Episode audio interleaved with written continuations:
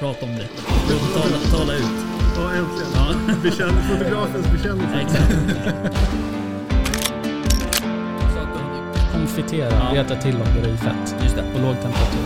Ehm, och då liksom lyfter jag ur köttet och Jaktstugan Podcast presenteras i samarbete med Remslow Sweden, Candy och jaktvildmark.se.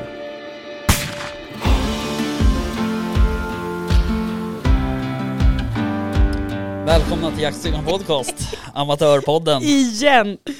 Ja. Här har vi suttit och poddat i sen sist sådär 10-15 minuter utan att spela in. Exakt så. Så att eh, eh, vi, hela det här bra intro-konversationen Ja, vi ja. hade får vi ta sen istället. Nej, det var helt... Det är inte så ofta det händer. Eller, det är ganska ofta man glömmer att trycka på räck. Men då kommer man på det när, liksom under introts gång, så att säga.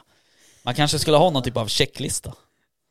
Åh, Ja, nej, det där var ju jag katastrofdåligt. tänker bara på Yrrol. Kan inte bara prova att trycka på on? Ja, du tänker så. Ja, nej men eh, annars, eh, välkommen.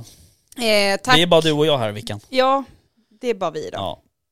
Väst, Det är därför det går så här. ja, precis. Vi har inte väst här. Eh, han håller ju koll på oss annars. Eh, Men det är avsnitt, 30. Det har vi koll på i alla fall. Mm, det har vi koll på. Säsong 3. ja, nej men så är det.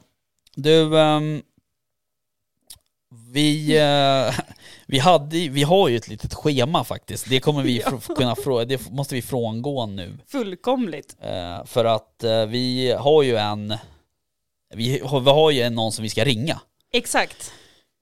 Och ehm, det är ehm, en tjej som heter Jenny. Mm. Som eh, eh, jag vet lyssnar på oss. Och hon eh, följer oss på Instagram och så vidare och sådär. Så jag har sett på hennes Instagram att hon har varit i Danmark Mm. och eh, tävlat i någon typ av landskamp. Med, sin, hund. med sin hund. Ja, Med sin Gordon Setter. sjukt spännande. Eh, ja, faktiskt. Och hon, jag vet ju att hon liksom, eh, det är rätt intressant för att hon har inte hållit på med jakt så länge. Nej, Eh, så man skulle vilja veta lite vad, hur, det kommer sig att, att hon liksom just började med, med stående ja, fågelhundar. för det känns ju som ett jävla steg ja, att alltså. ta. Om det är så att man inte hållit på med det tidigare till exempel, Mm. det kanske hon har. Mm, jag vet inte. Så att vi, det är väl lite det här vi ska ta reda på. jag tänker också så här, det här kanske kan mynna ut i en ny eh, programpunkt. Mhm. Instagram Följen. följan. det lät ju lite creepy dock. Eh, Ja, vi, precis. må, vi måste hitta en annan, ett annat namn på det. Men du tänker ändå att vi ska eh, ringa runt lite till Nej men att man Sverige? kanske kan be lyssnarna att nominera någon intressant person på Instagram. Precis. Och då blir det ju liksom, alltså då pratar jag liksom inte om, du vet, någon jättekändis, utan att det blir en mer... Liksom, Nej, de, de får vi nog av ändå. Tänker jag. De står ju här utanför dörren och bara knackar och bara släpp in oss. Vi bara nej, Ja. alltså vi vill ge de jag fick andra ju lite mer plats. mota bort GV här, du såg det? Ja, ja, ja. Superkonstigt var det. ja Så vi han var tänker att- riktigt närgången obehaglig. Ja, så Mm. jag tänker att vi skulle vilja ha lite mer liksom jordnära personer. Eh, riktiga människor. ja, så de jag. utan hybris. Exakt. eh, och eh, de finns ju på Instagram. Det vet man ju sedan gammalt. Ja. Så eh, det kanske skulle kunna vara något. Jag vet Det, inte. ty- men det tycker jag låter skitbra. Vi hade ju, vi har ju faktiskt haft några sådana här program där vi har liksom ringt lyssnare. Eh, I början. Eller ja, precis. Och det är, ett ganska, det är en ganska rolig Men på Direkt. Instagram kan man ju ändå liksom på ett annat sätt reka lite inför. Mm.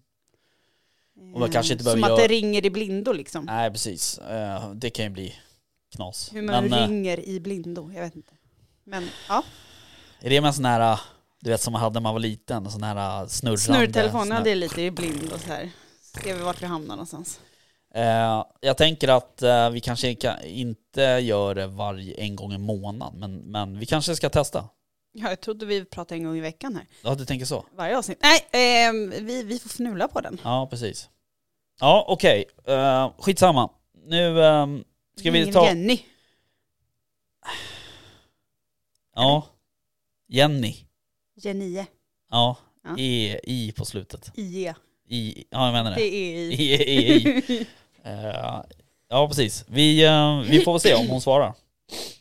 Det borde hon göra, vi har ju förvarnat henne. Exakt. Hon vet ju att vi ska ringa. Oj vad högt. Ja, det är Jenny. Hej Jenny, det var Rickard och Vickan från jaktstugan. Hallå, hallå. Halloj! Hur är läget? Tjena. Jo, det är bra. Lite förkyld som ni kanske hör. Ja.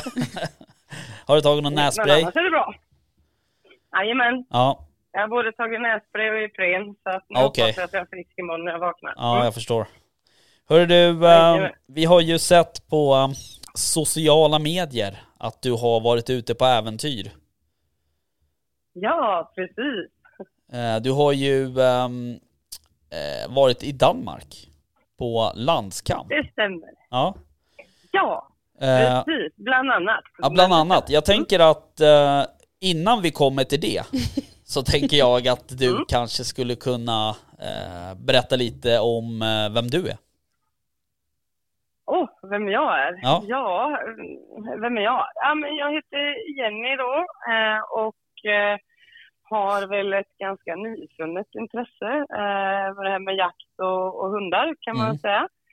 Eh, och eh, privat så jobbar man en massa med fastigheter så att det här med hundar och jakt är ju liksom den bästa, det bästa sättet att koppla av kan man säga. Mm.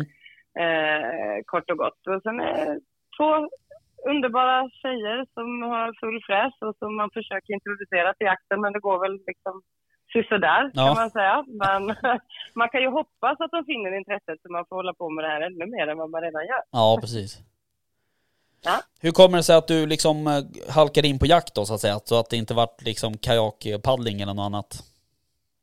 Nej men precis, det här med paddel. Jag brukar säga våga väga, vägra paddel. Ja, bra. Då har vi, då har vi två intressen. Ja.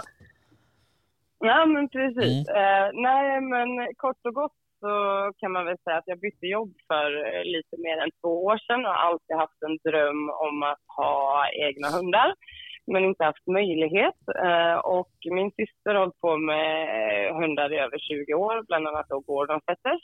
Så det första jag gjorde när jag bytte jobb var att ringa min syster och sa att nu ska jag ha en valp. Okej. Eh, så att då kom min kära glavaris Emilou till mig som ett yrväder och sen har ju mitt liv förändrats helt och hållet efter det Mm. säga. Ja, det, det är ju inte Eh. liksom bara, det är inte bara en hobby så att säga. Utan det blir ju en Nej. hel, alltså det är lite klyschigt att säga, men det blir ju faktiskt en, en, en helt ny livsstil. Det är ju en, Ja, en, en lifetime commitment, eller inte lifetime, men hundens lifetime commitment i alla Mm. Så är fall. det ju. Så är det ju. Precis, exakt. Och det ska man ju vara medveten om när man skaffar en hund, jag Ja, verkligen. Hade jag vetat hur mycket tid det här skulle ta så vet jag katten om jag hade gett mig in på det. Jo då, men då hade man nog tänkt till både en och tio gånger Ja. eh, till. Men jag ångrar mig inte en sekund. Men eh, hade du liksom varit med på jakt innan någon gång? Alltså hade du upplevt jakt innan? Innan du tog examen och sådär? Nej, Nej. Inte en enda gång Nej. faktiskt. Och var, var kommer det ifrån då? Alltså hur, hur liksom, varför tar man det steget? Ja. Och, in, och som sagt inte alltså, paddelsteget eller det här. Nej men precis, alltså jag är ju från Dalarna kan man säga, eller jag är ju från Dalarna uppvuxen i skogen liksom, och naturen, så det har alltid legat mig varmt om hjärtat liksom med djur och natur och sådär. Och så bor man ju i Göteborg, kanske inte det mest naturrika om man inte, ja som jag då, bor ganska centralt, men jag kände liksom att nej, jag måste liksom ha någonting som jag längtat efter jättelänge, en hund liksom. Mm. Uh, skaffar ju då en Gordon Setter och tänker att det här blir jättebra. Kan träna lite grann med henne och så kan man jaga lite grann med henne och, och sådär. Och då måste man ju naturligtvis ta jägarexamen. Eh, så att det bestämde jag mig för att göra när hon var sex månader ungefär. För då tänkte jag det är bra läge. Mm. Och sen så var jag fast. Ja. Eh, så under jägarexamen så insåg jag att jag kan ju inte bara hålla på med fågeljakt. Nej. Utan man måste ju hålla på med allting annat också. Ja. Eh, men det är klart att fågeljakten ligger mig väldigt varmt om hjärtat. Ja. Absolut. Ja, det tar väl Mm. upp eh, enormt mycket tid. Alltså just fågelhunds, liksom jakt med stående fågelhund, det är ju verkligen en träningsjakt eller vad jag ska säga. Alltså den, den kräver verkligen att du har tränat med hunden. Ehm, Ja, innan, det om, om det ska liksom det. vara, om det, om det ska ge någonting. absolut. Annars så skulle jag nog säga, då behöver du inte jaga.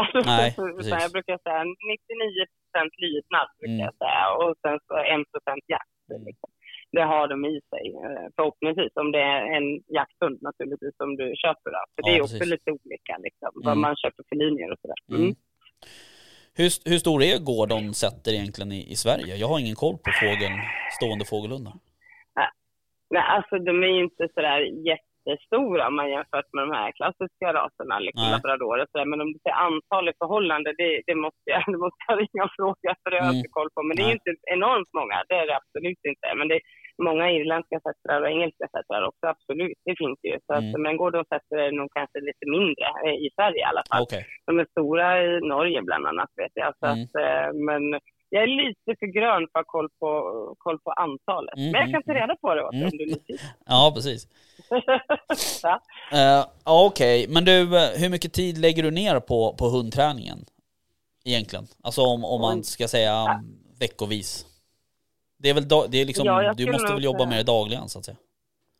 ja, alltså det är ju faktiskt För mig är det ju inte en, en hund som inte ingår i familjen. Liksom, utan det är ju en familjehund. mm, Alltså till 80-90 procent skulle jag nog säga. Och sen i övrigt så är det ju jakt och sådär. Så att jag, jag tränar ju med min hund precis varje dag. Mm. Det är vardagslydnad till mm, ja, renodlad jaktträning. Liksom. Allt från apportering till inkallning till stopp, höger, vänster, ja, you name it. Mm. Så det, det tar liksom aldrig slut, så du kan ju liksom applicera det i vardagen. Eh, absolut. Så varje dag. Ja, Okej, ja där ser man. Hur kommer det sig att du hamnade i Danmark då på, på lands, eh, landskamp? Ja, hur kommer det sig då? Eh, jo, det är så att min, min ena hund då, nu har jag ju en, det är faktiskt så att jag har en till eh, nu. Men det börjar med att min, min, eh, min hund varit en miljon, hon blir två år i april. Och fram till dess så tävlar de med unghundsklass. mm. Eh, och då försöker jag då få henne eh, premierad innan två år. Och då visade det sig här i år att eh, Danska Gårdensätterklubben hade 100-årsjubileum. okej. Eh, Så att det var jaktprov kan man säga hela veckan. Eh, Och sen så hade jag förmånen här för ett par år sedan att träffa en eh, man som heter Jan Andersson som är ordförande i Svenska Gårdansklubben som har eh, coachat och stöttat och lärt mig allt man kan om stående fågelhundar. Mm. Eh, Så då passade jag på att åka med dit och i och med det så fick jag också förmånen att föra en eh, ung tik som heter Ekdalens Gaia för Mhm. landskamper. Eh, Så det var på den vägen jag hamnade i Danmark. Jaha, okej. Det var lite, Ja, lite kringlig krokvägar kan man säga. Ja, precis. Jag Mm. på att liksom premiera min hund som blir, går upp i öppen klass här om en månad samtidigt som jag fick förmånen att föra då Gaia och Mm. som numera även är som vi har skaffat eh, tillsammans faktiskt, jag och Janne. Så nu ska Ja, vi okej. se till att hon blir världens bästa gårdensättare. Jag fattar. Spännande. Ja, ja, det är lite spännande. Ja, hör jag du... brukar hamna in på så här bananskal. Ja, jag känner igen det. Eh, Jag har samma tendens. Eh, Du, Mm. ehm, hur gick det då i Danmark? Det gick ju alltså mot förmodan fantastiskt bra, för vi vann ju landskampen. Ja, gjorde vi. det är helt, det är helt otroligt ju. ja, det var stort. Ja, det hade vi inte riktigt räknat med. Vi ställde upp med två pensionärer och två unghundar. Ja, Eh, och så vann vi allting. så det var ju fantastiskt ja. Fan kul. Ja. Men hur Ja, går, det hur går, ehm, hur går sådana här prov till? Är det olika delar? Är det fältdel och, och apportdel eller hur, hur funkar det liksom? Ja, men det beror lite grann på om man tävlar liksom i vinnarklass, kan man säga segrarklass kallas det i Sverige då, eh, öppen klass. Det är Mm. alltså vuxna hundar eller samma kan även ställa upp med unghundar i öppen klass eller unghundsklass. Så det bedöms lite grann på olika sätt. Och sen är det självklart fältprov, skogsprov och eh, fjällprov. Mm. Eh, och det vi gjorde i Danmark var ju fältprov. Eh, Okej. Och då släpper man två stycken hundar parvis liksom. Och sen så ska de söka av fältet. I vanliga liksom, kvalitetsklasser då, så att säga, så bedömer de ju både fart och stil och de, format kallas det, alltså hur långt liksom, hunden går ut åt sidorna. För att det är inte som en kanske en tax då, man släpper taxar i skogen och vill att de ska få upp ett spår utan att man vill ju liksom att hunden går från höger och vänster i Mm. motvind kan man säga då, för att få upp ja, men dofterna liksom för, Mm. för fågeln då och hitta dem. Eh, och sen så när de hittar en fågel så ska ju hunden stå still fram tills eh, hundföraren kommer fram och ger ett avanskommando. Mm. Eh, och efter att de reser fågeln så ska hunden helst sätta sig ner eller lägga sig ner, stanna eh, helt och hållet och inte springa efter fågeln, så kallad eftergång. Då. Okej. Och gör man allting det så brukar man få väldigt bra pris. Mm. Hur, såg, hur såg fördelningen ut då? Var det fyra ekipage eh, som tävlade eller vad sa du? Ja, men precis. Så varje, från varje lag så var det fyra ekipage, tre ordinarie och en reserv. Så reserven fick man byta in när man ville eh, och då får man ju inte byta tillbaka då. Eh, så att eh, vi var fyra som, från Sverige och jag var reserv. Eh, och så bytte vi ut eh, Walter då, våran, våran riktiga pensionär som Mm. är 11 år, som eh, heter Walter, som är Åshöjdens Walter då, som jagade fantastiskt bra. Eh, vi tyckte att han gick lite stort, så då bytte vi ut till Gaia då, eller till Gaia, eh, som eh, körde racet sen då. Eh, så det gick ju superbra, men just i landskampen bedömer man Alltså får man lite andra, andra poäng, då bedömer de liksom jaktlust, fas och stil och format på ett annat sätt och självklart fågeltagningar också. Mm. Okej. Och det här är... Så Det det är här, lite avancerat. Ja, ja, verkligen. Det- Man har lite svårt att fatta själv.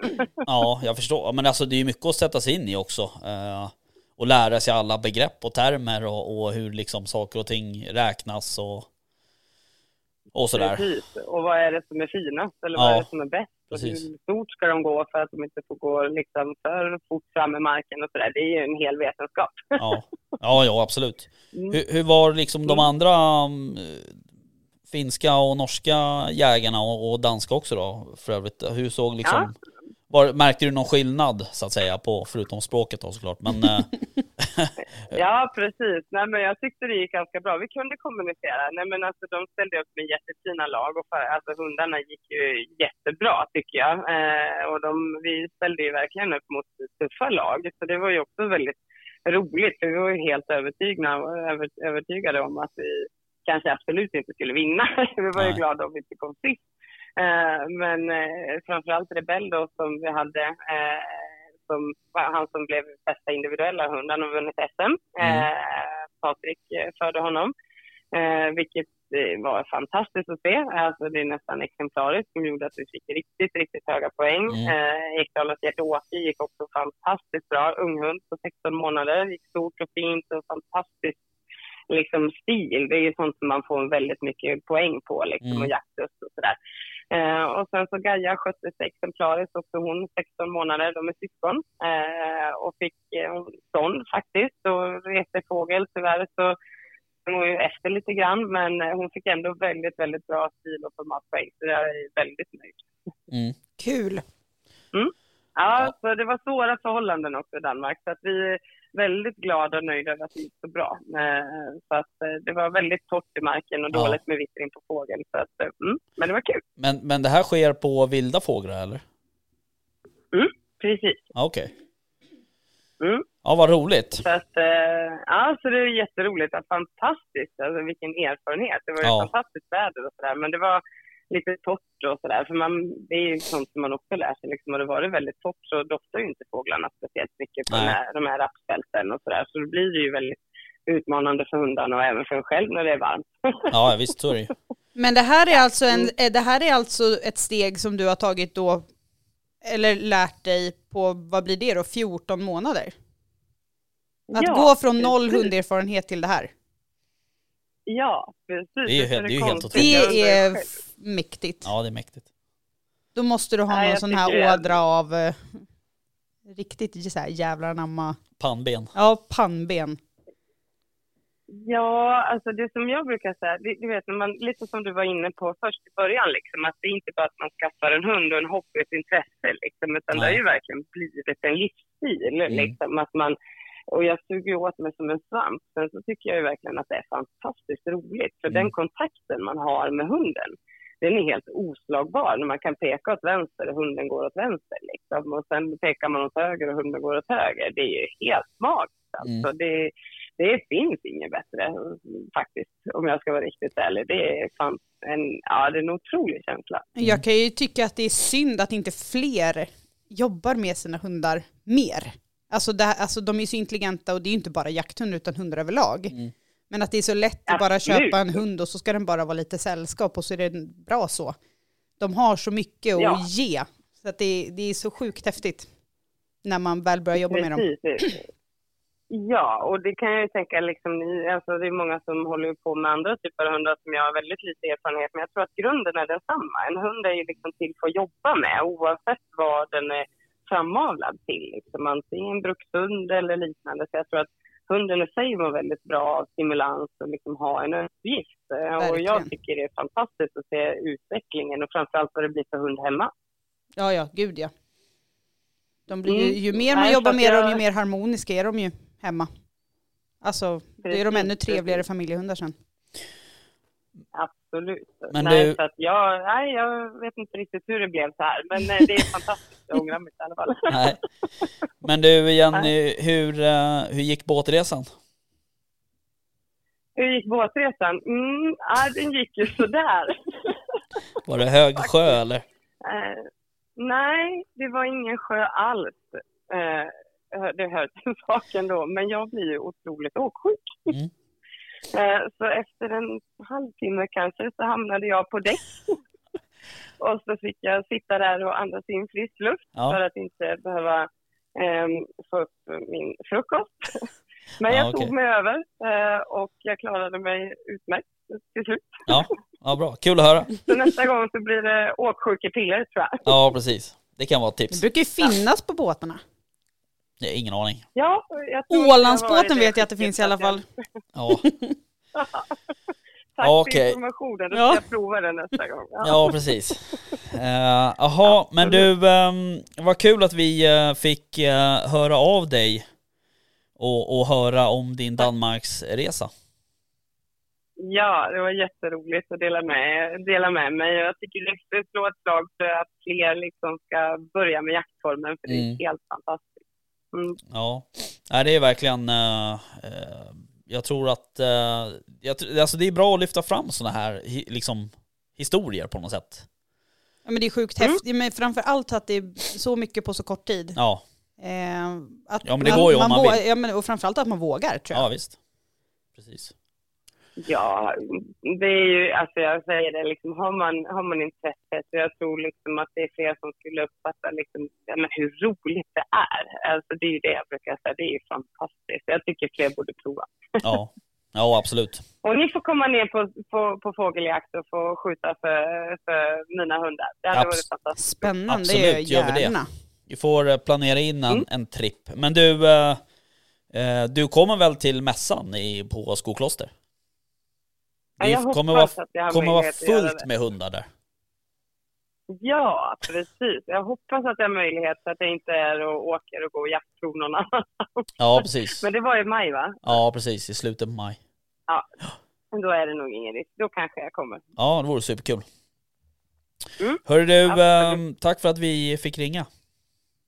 Ja, självklart. Tack själv. Ja, Ha det så bra. ha det bra. Ja, detsamma. Hej. Hej. Ja, det är ingen eh, dålig Bedrift alltså. bedrift det där. Nej.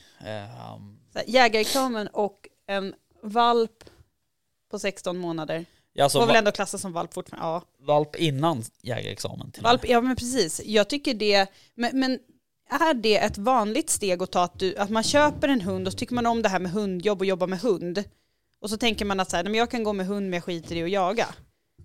Alltså finns det många som gör, tar den vägen och sen så ångrar man sig någonstans och så bara nej men jag tar examen i alla fall. Alltså jag tror att eh, eh, jag har ju träffat en del hundförare genom åren som, som eh, inte har jägarexamen. Nej. Som of, de kommer bara med sin hund. Och eh, oftast så, så alltså jag, jag tror, nu gissar jag ju såklart igen som vanligt, men jag tror att det är ganska utbrett eh, beteende bland just eh, fågelhundar. Ja, Ja, fågelapporteringshundar va? precis. Exakt. Det För känns det ju ligger som- så nära, eh, liksom, det är så nära en sport på något sätt. Ja. Eller hur jag ska, du fattar vad jag menar. Det är liksom, du kan hålla på, det är så nära bruks... Mm. Mm, liksom, ja, ja, precis. Grenarna. Och sen känns det ju som att pratar man rena liksom drivande hundar och sånt där, Mm. så känns det ju som att det ställer lite andra krav på hundföraren också för att man kan komma till, alltså just det här med eh, att det står och trycker och sådana här saker, Mm. att mm, det kanske krävs att man ska kunna avsluta också. Medan här brukar det ju oftast Ja, vara i- skyttar och alltså hundföraren är en Ja, person, skytten är någon annan. Så. Du menar under jakt alltså? Ja, alltså precis, i- i rena Ja, nej men så är det ju. Och, alltså, och det är som jag säger att, att jag tror att du kan ju hålla på liksom och, och apportera och, och liksom hålla på med den biten egentligen utan att, att hålla på med jakt. Mm.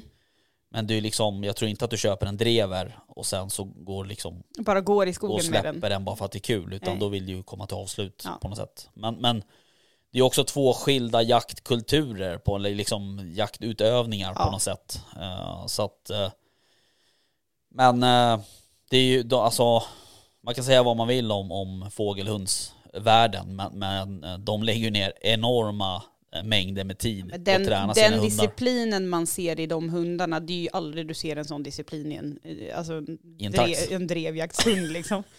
De får lyssna inte på... Han är väldigt, se- väldigt selektiv hörsel ska jag hålla på. Ja. Nej, jag vet att när jag, när vi gjorde, det var inte när jag, eh, inte när jag gjorde prov, hagelproven, men däremot när vi hade eh, alltså övningsskytte. Så, Mm. så var det en kvinna med i vår grupp som hade med sig sin hund. Eh, så. Mm. Eh, och den satt eh, lydigt, liksom lite avsides så. Hon var inte i närheten, för hon var ju och sköt. eh, Jaha, okej. sådär. Men den satt li, lite avsides. Och så såg man hur taggad den var på varenda skott Ja. som kom. Att den sa ja, Mm. ja, bara satt och väntade på kommando. Ja. Och det kom ingenting. Men satt blickstill. Och som sagt, hon kunde ju, hon la kopplet bredvid och så gick hon iväg och så Ja. sköt hon en serie och så kom hon tillbaka. Så den rörde sig inte ur fläcken. Nej. Alltså, ja.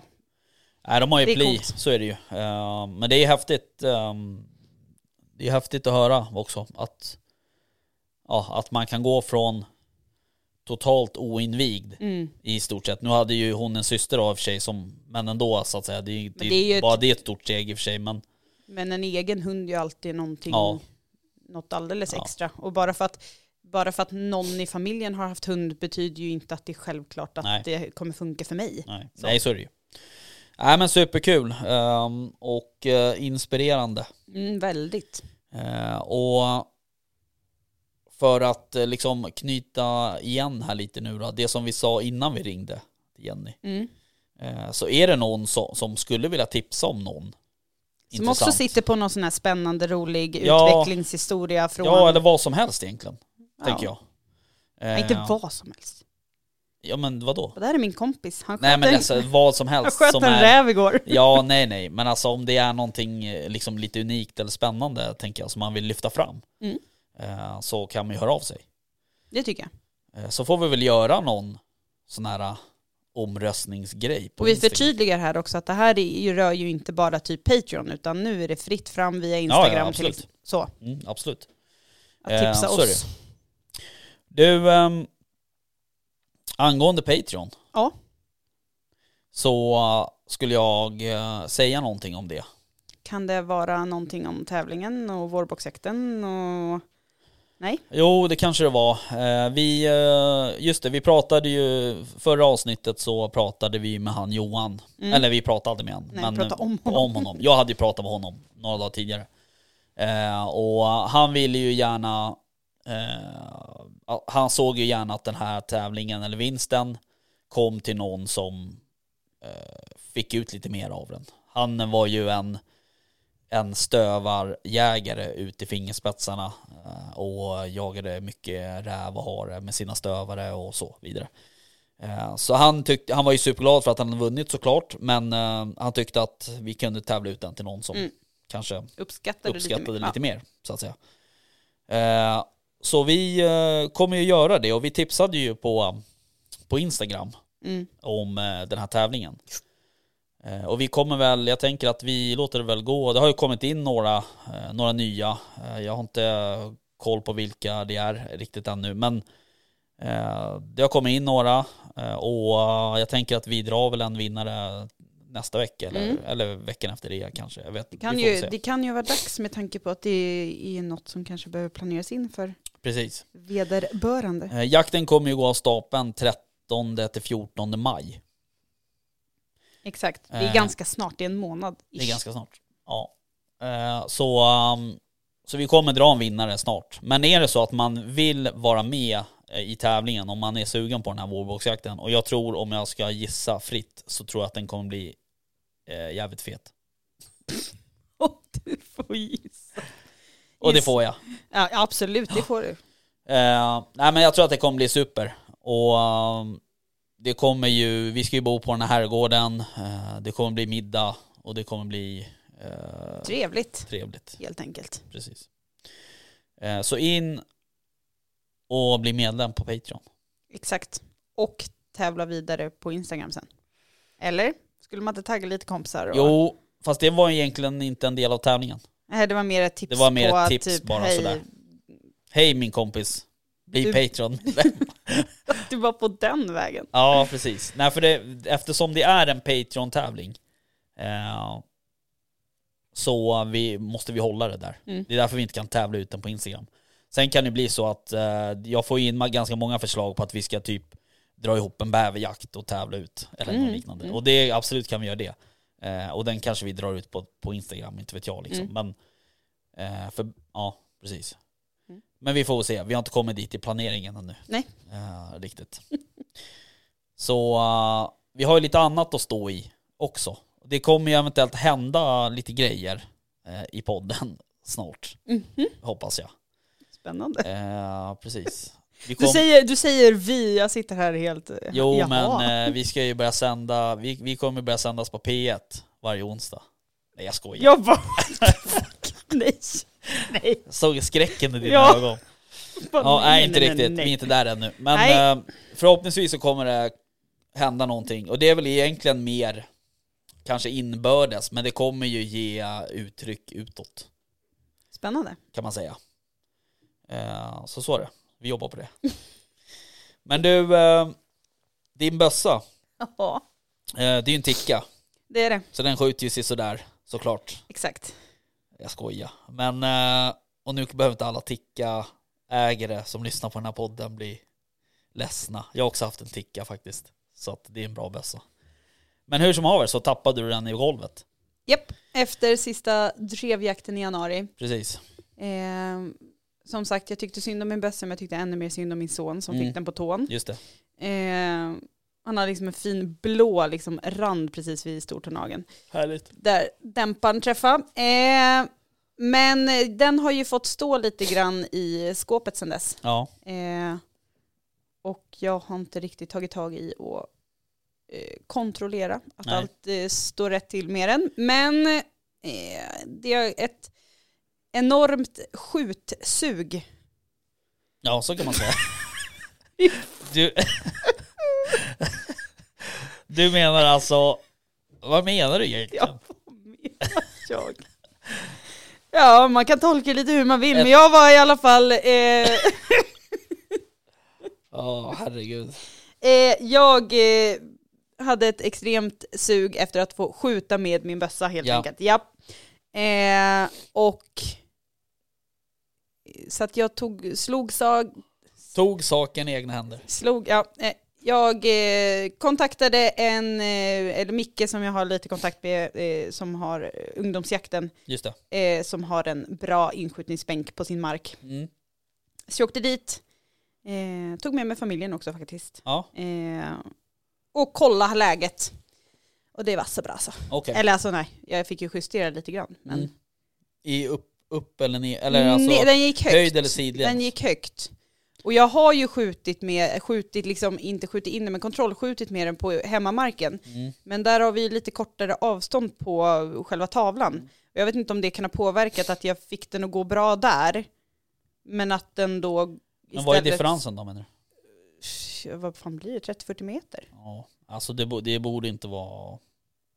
Det var, vad ni har ni typ 40-50 meter på hemmamarken och du sköt på 80 typ? Ja. ja.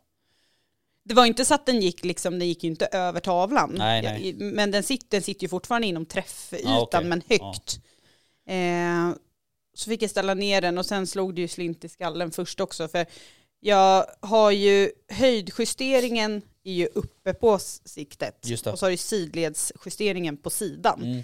Men av någon anledning så börjar jag sk- skruva på Ah, okej. sidledsförflyttningen när jag ska höja och sänka. Eh, och, och liksom gör det en gång, så bara, ah, men två centimeter i två Mm. hack och så, ja, fast jag justerar den i sidled istället för höjdled. Ja, okej. Eh, och skjuter igen och så bara, jag träffar ju fortfarande ett helvete. Ja. Och så bara, fan är det, nej Ja, nu, så bara, nej vänta nu, jag har ju fan skruvat på fel jävla ratt här. Okej. Ja men det har man gjort några gånger. Du är inte ensam om det. Nej, det var bra. Jag sa till och med till min man, jag bara det är så konstigt för det står liksom inte åt vilket håll, det står bara right. Och att jag inte ens kopplar då att jag håller på med sidledsförflyttning. Nej nej, det är bara, det är konstigt, det står bara right här och en pil till höger typ. Du bara, det måste vara rätt håll. Det, ja, right, det måste vara upp. Nej, Ja, nej, det var, det var ju... gick ju badboll på den. Jag fattar. Mm, men, eh, men till slut så. Mm. Eh, gick det fan både bra eh, sittandes och ståendes. Okej, Mm. kul. Ja det är ju, eh, man behöver ju skjuta mer Ja. faktiskt. Och, Betydligt mycket mer. Jag har ju också faktiskt jag, har- jag har faktiskt några bössor jag skulle behöva liksom, alltså de är inskjutna men Någon det var gång. liksom ett tag sedan jag sköt på tavla med dem eh, så att säga. Mm. Så jag skulle vilja liksom åka dit och sen sätta sin bänk och man vet att man har bra stöd och Mm. alla bra förutsättningar och sen dra några skott liksom. Men sen är det ju jävla boost för, i alla fall för mig som fortfarande är rätt orutinerad och inte har liksom, så många skott, ja, ja en Mm. gång har jag skjutit mot djur liksom. Mm. Men eh, det, är, det boostar egot lite och Ja, ja. faktiskt se att man så här, ja, men om jag bara gör precis så som jag tänker i huvudet, då Ja. blir det bra. Ja, Eh, och så ska man ju bara våga ta det steget och göra det, ja. Lita på det där liksom. Precis. Nej men så är det och, och det är alltid skönt också att åka på en jakt där man vet att man har skjutit in Ja, bössan. Och Den går alltså, som den ska. Även om man liksom inte misstror bössan innan så är det alltid skönt att ha det bekräftat på något sätt. Verkligen. Eh, sen vet man ju, alltså åker man på många jakter liksom och man kanske Ja men den här bössan kanske åker in och ut i skåpet en två, tre gånger i veckan. Ja, och det är in ut ur bilen Ja, och det är... Då vet man att till slut så, så behöver man justera lite. Mm. Så att eh, nej, ehm, jag skulle också behöva och um, som sagt, vi borde, vi pratade om det förra gången här för mig, men vi borde fan dra ihop en skjutdag på någonstans. På bio. Ja. Biograf. Ehm, och eh, för övrigt så såg jag idag att den biografen vi pratade om då, Mm. Arlanda, Mm. alltså Maurits Mm, Wifors, mm. de söker en verksamhetschef. Du bara yes! Nej. Nej. Eller, ja, nej. Men nu har vi sagt det högt, Ja, eller vadå? precis. Ja. Nu outar vi det. Så att, eh, gratis annons. Det är inte ett betalt samarbete Nej, med det verkligen Wifors. Är det icke? Eh, nej men, eh, men så är det i alla fall. Och um, vi kanske skulle ta och titta på det. Mm. Kanske höra av oss till dem och kolla. Kan vi göra något? Mm. Det vore väl kul, Det vore jävligt roligt. tänker jag. Ehm, Men du, apropå bössor förresten. ja. Vill du en köpa? liten, na, ja exakt, det var en liten fågel som viskade i mitt öra att du funderar på att sälja en. Ja, alltså. Why? Det här är ju ett livs, eh, liksom ett, ett, eh, ett livs, eh, vad heter det? Välvande Är det lite så här vägskäl? beslut. Ja.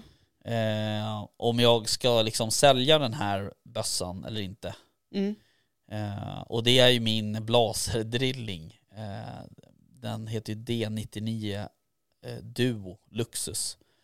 Och det är ju alltså en, en eh, kul drilling. Alltså en drilling, det är ju en, det är en bössa med tre piper.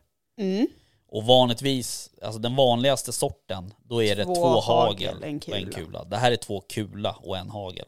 Mm. Eh, och det är ju 9374 gånger 2 och sen är det en kaliber 20. Mm.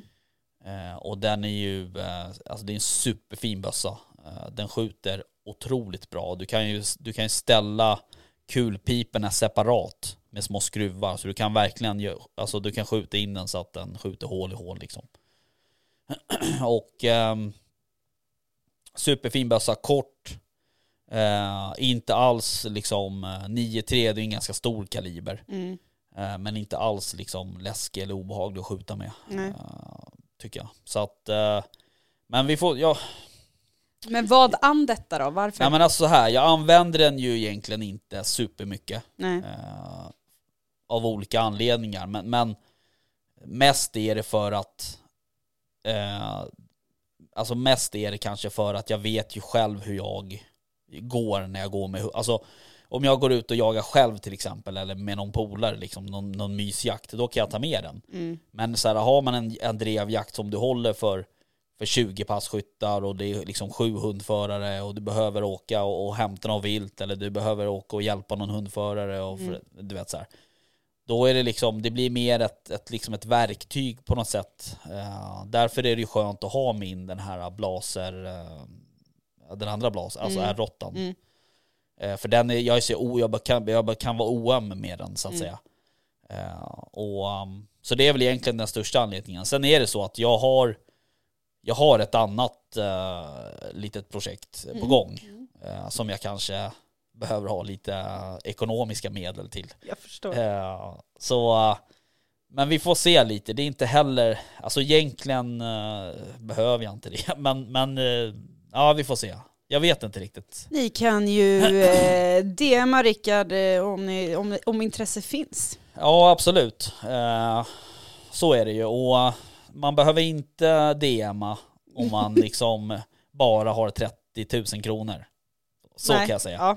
För att det är inte, det, det är liksom, eh, det är, den är jävligt fin den här bössan. Mm. Eh, och ja, det, det skär lite i hjärtat om jag skulle sälja den Mm. Faktiskt. Men eh, det kan vara så att jag behöver göra det. Eh, Vilka, är det, var, nej det var inte din första, har du kvar din första första bästa? Nej. Nej. Min första första bössa, eh, det var en Remington 700 3006 som jag köpte för 9000 kronor tror jag. Något sånt. Ehm, och den var i och för sig inget fel på den. Alltså ingen bössa jag har haft egentligen har jag haft problem med. Tror jag. Nu måste jag tänka efter. Nej jag tror inte det. Eh, och då har jag ändå, alltså jag har ju haft Remington, Ticka, Blaser, eh, Merkel, Saco, eh, Marlin och sådär. Så Mm. att eh, jag har haft en del olika märken liksom. Men ehm, sen fastnade, alltså i anledningen till att jag fastnade för blaser, det var egentligen inte mekanismen som det brukar vara. Alltså att det är en Mm. rak repeter, Mm. utan det var egentligen att jag gillar tumhålskolven så jävla skönt. Ja, Eh, och när jag, när jag köpte den, då var det inte supervanligt att då var det inte supervanligt med tumhålskolv. Nu är det ju ganska många märken som har det. Saco har ju en och mm, du kan ju också beställa liksom såna här custom kolvar och sådär. mm. Men ehm, jag, eh, jag, jag, den passar mig bra liksom på något sätt. Så att det är därför. Men sen, alltså, sen är det ju så att det det är, det är liksom, man, man kanske skämtar om eh, Ticka och, och Remington och, och Vad fan är det för fel Ja men på lite Ticka så då? liksom. Men, men det är ju inga fel såklart. Jag har ju haft en, jag hade ju en Ticka T3, eh, kommer inte ihåg vad den heter, Supervarmint tror jag. Eh, I 243. Eh, alltså den gick ju som ett jävla spjut liksom. Och uh, många, jag hade ju en del kompisar som höll på med, med fältskytte och så här skjuter på långhåll. De kom ju och lånade min bössa för att den sköt så jävla bra Mm. direkt ur kartong liksom. Så att det är ju superbra vapen liksom. Eh, det, det, det det handlar om egentligen det är att om det skulle vara så att du köper en bössa eh, där det skiter sig så ska du liksom kunna ja men det ska kunna finnas delar eller det ska faktiskt kunna finnas någon eh, något företag eller, eller liksom en, en, en fabrik där du kan skicka din bössa Mm. så fixar de det Mm. liksom. Så att eh, Det fick, jag, det fick vi jättebra, eller vad ska man säga, tydliga order om när jag utbildade mig också. Att här, köp inte bössor på typ så här XXL. Eh, för du kommer inte få hjälp när det strular. nej. Och samma sak, alltså det är klart att du kan lämna in din bössa till exempel på, eh, vad fan heter de? Jag vet inte. Nej, nu har jag tappat ordet helt. Inte Vidfors utan Valterborg heter Mm. de. Inne i stan till exempel. Det var Mm. där vi var på Ah, okej, vapenvisning. Just det. Eh, och de sa så här, det är klart att vi kan ta in din bössa men vi kommer inte prioritera den. Nej. Eh, Om den är köpt någon annanstans. om men- den är köpt någon nej, annanstans precis. och särskilt inte då med av liksom något konstigt märke från Nej, någon sportkedja liksom. Nej, precis. Ehm, och det är väl klart, alltså nu finns det säkert folk som lyssnar på den här podden som jobbar på XXL, men... men eh, Och det finns säkert jättemånga som har köpt sina bössor och är jättenöjda ja, också. alltså det är klart. Det, det är klart att man kan få hjälp där, men det är precis som du säger att har du en kund, eller så här, har du två kunder och den ena kunden har köpt sin bössa hos dig eh, och kanske är en återkommande kund och så vidare, Mm. och så vidare då ligger det lite i sakens natur att, att den blir prioriterad. Ja. Liksom. Eh, Sen är det ju, jag kan ju ärligt säga, så här, nu har jag inte varit, men jag, jag har varit på, liksom, jag har varit på Valterborg. Eh, och sen, jag kommer inte ens ihåg vart jag köpte min egen bössa. Nej, Eh, det är jättebra. men ja, du köpte inte den Enköping. här? Nej, Enköping. Jaha, på, uh, hos Karlsson. Kanske. Karlssons vapen, Ja, kanske. och sånt. Kanske. Om, det- om det bara finns Undrar en. om inte de ligger i Enköping, jag kommer fan inte ihåg. Uh, strunt samma. Eh, nej, och sen har jag varit på någon, i- inte Jakt Västerås, Mm. typ. Men, men det är ju någonting med de här små butikerna ändå, Mm. att eh, de känns så extremt eh, kunniga och proffsiga. Mm. Eh, så att det, det känns som att man är liksom, vad ska man säga, trygga händer. Ja, så. Så. är det ju. Och det är klart, det är ju inte samma sak. Alltså, det, det är ju inte de här stora kedjorna. Eh, eller de här, det finns väl typ egentligen bara en. Och det är väl XXL. Mm. Men det är ju inte samma sak att gå in på vapenavdelningen där. Även om XXL som vi har här borta, några kilometer bort, jobbar ju två supertrevliga killar. Men eh, det är liksom inte riktigt så här, det är skillnad om man åker till en, till en mindre jaktbutik, och man får en kaffe i handen och man sitter och snackar lite skit liksom. Men sen är ju urvalet betydligt större. Ja, alltså XXL har ju brett sortiment och jag är Ja. jättetacksam för eh, alla andra, liksom att, att jaktgrejer finns så pass tillgängligt som det gör Ja. där.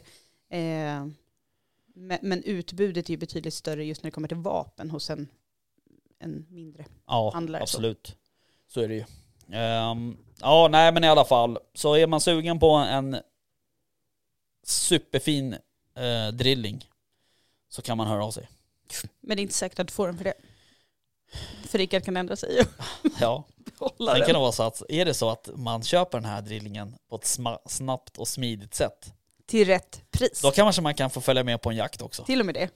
Eh, ja, nej vi får se. Det där är ju som jag säger, det är fan... ehm, ja, det är inte roligt. Den där har ju varit liksom lite, eh, lite drömbössa för mig. Mm. Eh, men... eh, och som, som jag säger, den är jävligt fin liksom. Men, men jag måste kanske vara lite realistisk och säga så här, jag behöver det här. Jag behöver ju andra saker.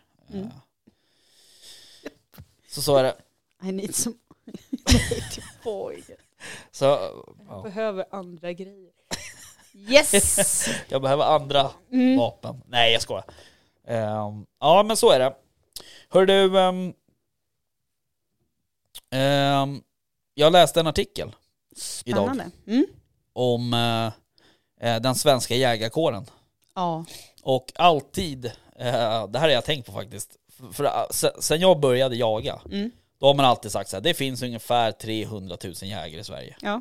Eh, och det talet har liksom aldrig så här korrigerats, utan det har varit Det står till och med i, eh, det står nog i så här jägarexamenboken också tror jag. Utan det, det är bara så. Ja, Det är 300 så här, 000. Jesus gick på vattnet och det är 300 000 jägare i Sverige. Yes. Eh, Men nu verkar det som så att det inte är så.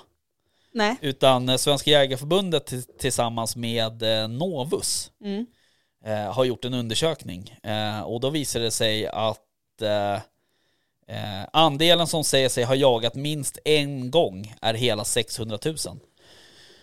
Men är det, är det bara, alltså jagat en gång, vad innefattar det?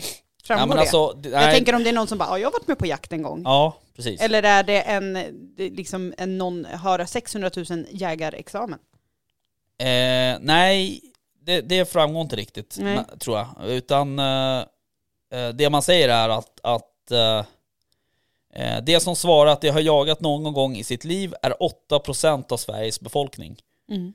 Eh, och då är det precis som du säger så här, ja men du kanske var med och jaga för tio år sedan Mm. när du liksom, du vet. Mm. Eh, och då du blir inte jägare för det. Så, så det intressanta är ju att veta hur många som har tagit jägexamen. Mm. För, för där någonstans börjar ju, sen kan man, sen, så lite cyniskt kan man ju säga så här att man är jägare i olika liksom, stadier. Alltså antingen så du, har du tagit jägarexamen och så jagar du på din älgjakt en gång om året. Eller så jagar du liksom fyra dagar i veckan kan, året runt så att säga.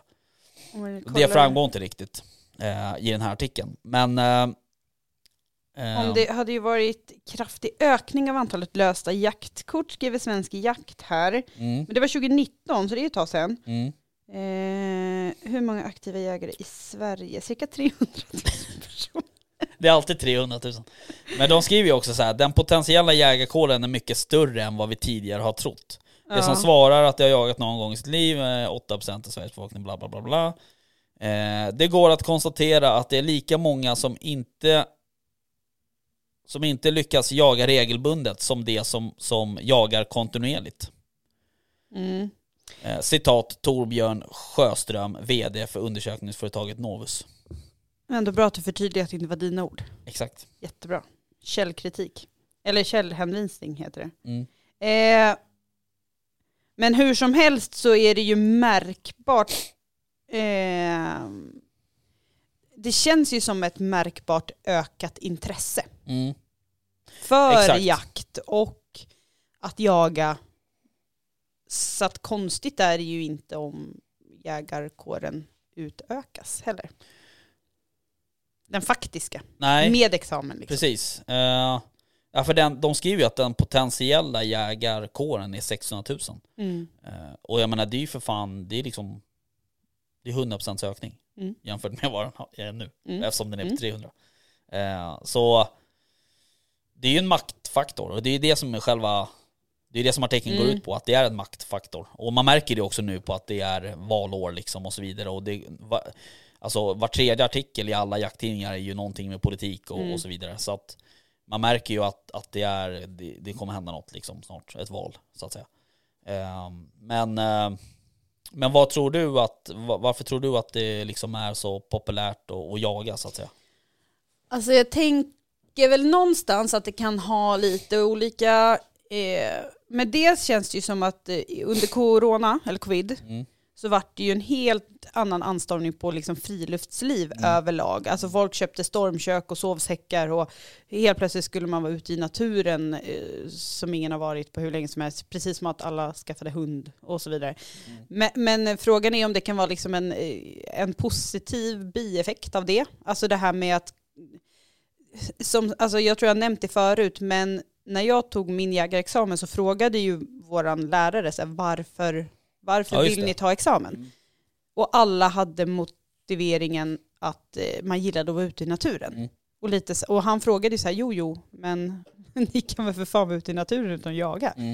Eh, men jag tänker någonstans att man kanske bygger upp eh, någonting bara genom att just det här komma ut i naturen mer. Och så, bör, så tänker man sig hur kan jag utveckla det här ytterligare? Och så bara, jo men då kanske är en jägarexamen, komma närmare djuren eh, och så vidare. Men sen eh, tror jag att sociala medier spelar en jävla stor roll i, Ja det tror jag också. eh, i intresset. Mm. Alltså att, att det har fått en helt annan spridning. Mm. Att det, det, för innan jag själv blev intresserad så har inte det här, det har inte ens nuddat mig. Nej. Eh, men nu tycker jag det liksom, sen kan ju det ha med mitt ökade intresse att göra också. Men jag tycker att man nås av det på ett helt annat sätt Ja. idag än förut. Det, det, så är det ju, eh, absolut. Och det har ju blivit liksom mer eh, rumsrent på något sätt. Eh, Eller alltså, men det är också så här, jag vet ju också att det är många kändisar som inte skyltar med att de jagar. Nej. För att de orkar liksom inte ta fighten typ. Eller det, det är min gissning i alla fall. Eh, sen, sen finns det ju de som faktiskt eh, skyltar med det eller som, som inte liksom, ja, det är en naturlig del av Ja. deras liv liksom. Eh, och där, där tror jag också att det behöver vi ju se mer av på något sätt. Alltså att det är en naturlig del. Att det är ingenting man behöver gömma. Nej, precis. Och, men jag tror också att det har att göra med hela den här uh, klimatsmart uh, mat och så vidare och det ska vara Absolut, närproducerat ja, Och, och så. Ehm, Mer ekologiskt blir det ju liksom inte. nej, men någonstans så började nog liksom, alltså jag tror att hela den här media, eh, öpp, ö, liksom öppningen eh, till sociala medier och liksom att, att det blev mer synligt. Ja men det var ju typ så här att, du vet, först började folk med surdeg och skulle odla Ja, någon jävla japp. surdeg i någon glasburk i någon Och sen fönsterbänk. börjar man odla. Ja, så börjar man odla och sen, alltså, med att, jag tror att det någonstans så hänger det nog ihop på något sätt. Att det vart mer, ja men folk ska vara mer liksom nära naturen. Mm. Eh, och, och liksom lite mer självständiga och lite hela den här gröna vågen på något sätt 2.0. Och, och med det i åtanke så är det ju i så fall sjukt positivt. ja men alltså, på, alltså på alla sätt och vis. ja såklart. Det, men sen så, det finns ju det är klart att det är positivt. Desto, ju fler som jagar, desto större acceptans får du. Eh, och det var väl, det var väl 1,3 miljoner som hade svarat i den där undersökningen att de hade en eller, en eller flera familjemedlemmar som jagade Mm. eller någon liknande, någon liknande. Men jag tänker väl samtidigt om vi pratar om att det är positivt och vi får en högre acceptans och allt det här och att vi kanske får in det i flera olika samhällsskikt och Mm. jari jari. Så måste det ju finnas en baksida med det också. Kan, inte, kan inte komma på vad det skulle kunna Typ möjligheten till jakt. Ja, så är det ju såklart. Ju- Konkurrensen om ju eget marker och... Ja. Ja. Eh, nej men absolut, och det där, alltså där, eh, det som sagt det är ett helt eget avsnitt kan jag säga. Jag tänker Men, ju eh, någonstans om det, om det är svårt att komma med i ett jaktlag som det är, Ja, om man dessutom utökar jägarkåren med dubbelt Ja, så många så är det precis. dubbelt så många som står på kö och vill komma in någonstans. ja, så är det ju. Och eh, det är också så här möjligheterna till, eh, ehm, till jakt, de, de krymper, alltså, Mm. De krymper väl ändå? ja alltså jag vet ju bara här Nej, uppe vi ska där vi, bygga eh, sönder Sverige. Där vi bor var det väl 75 jägare som blev av med sin mark ehm, för inte så länge sedan för att det var en ensam arrendator som tog allting liksom. Mm. Det är 75 pers. Mm. Det är liksom, det är inte några. Så att det är klart att, att eh, i och med att, att det blir mer bolagsmark och, och, och sådär, det blir svårare. Jag hade faktiskt senast idag en, en diskussion med en extremt eh, kunnig herre på området Mm. eh, som håller till nere i Sörmland. eh, om, om det här. Eh, och han, han, han, han sa ju det så här, fan, för att en del marker, eller en del liksom jaktklubbar så att säga, eller liksom sådär, de startar ju till och med hägn, alltså inom Ja. klubben, för att de ska kunna säkerställa sin jakt. Mm. Eh, så han sa det, han bara, vad är liksom, är det, ska det bli nya Sydafrika här? Liksom ska vi ha hektar, eller eh, hägn på, på 3000 hektar här liksom. Nu har det ju betydligt större hägn i, i Sydafrika, men, Mm. men du förstår principen Mm. att det blir liksom så att man, man hägnar in sin viltstam för Ja. att behålla den Ja. så att säga. Eh, och jag vet inte, alltså det är ju det är bara att kolla på hektarpriserna, de går ju upp per år liksom. Mm. Så att, eh, nej, det, är, det är ju en, det är en märklig utveckling, så är det ju. Mm. Eh, helt klart. Spännande att se vart det tar vägen. Ja, lite så. Ehm, så ja, nej men det är, och det där är ju inte lätt ehm, faktiskt. Men du, ehm, det börjar väl bli dags. Avsluta. ja, kanske det. Vi har ju nämligen poddat nästan, vad har vi, en timme på avsnittet och Ja. sen har vi poddat ytterligare 20 Ja. på det. Kom ju på efter 20 minuter att vi inte riktigt hade tryckt på räck. Men det är fan, det är sånt som händer. Ja. Ehm, jag har en annan grej bara snabbt. Japp. Eh, när vi ändå är inne, när vi lite och har att göra med det här med gratisreklam. Ja. Eh, så är det ju, och det såg jag också, eller jag såg det tidigare men det, det flashade förbi idag. Eh, att Svensk Jakt söker en journalist.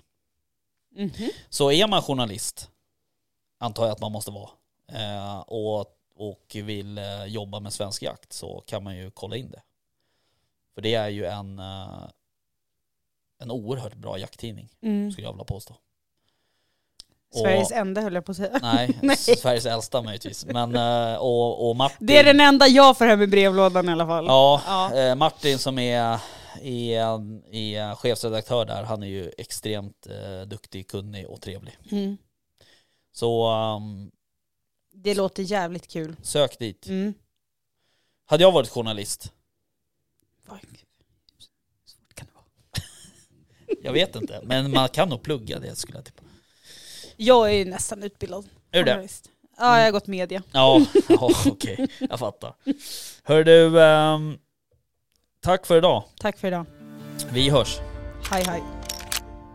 Jaktstugan Podcast presenteras i samarbete med Remslow Sweden, Candy och jaktvildmark.se.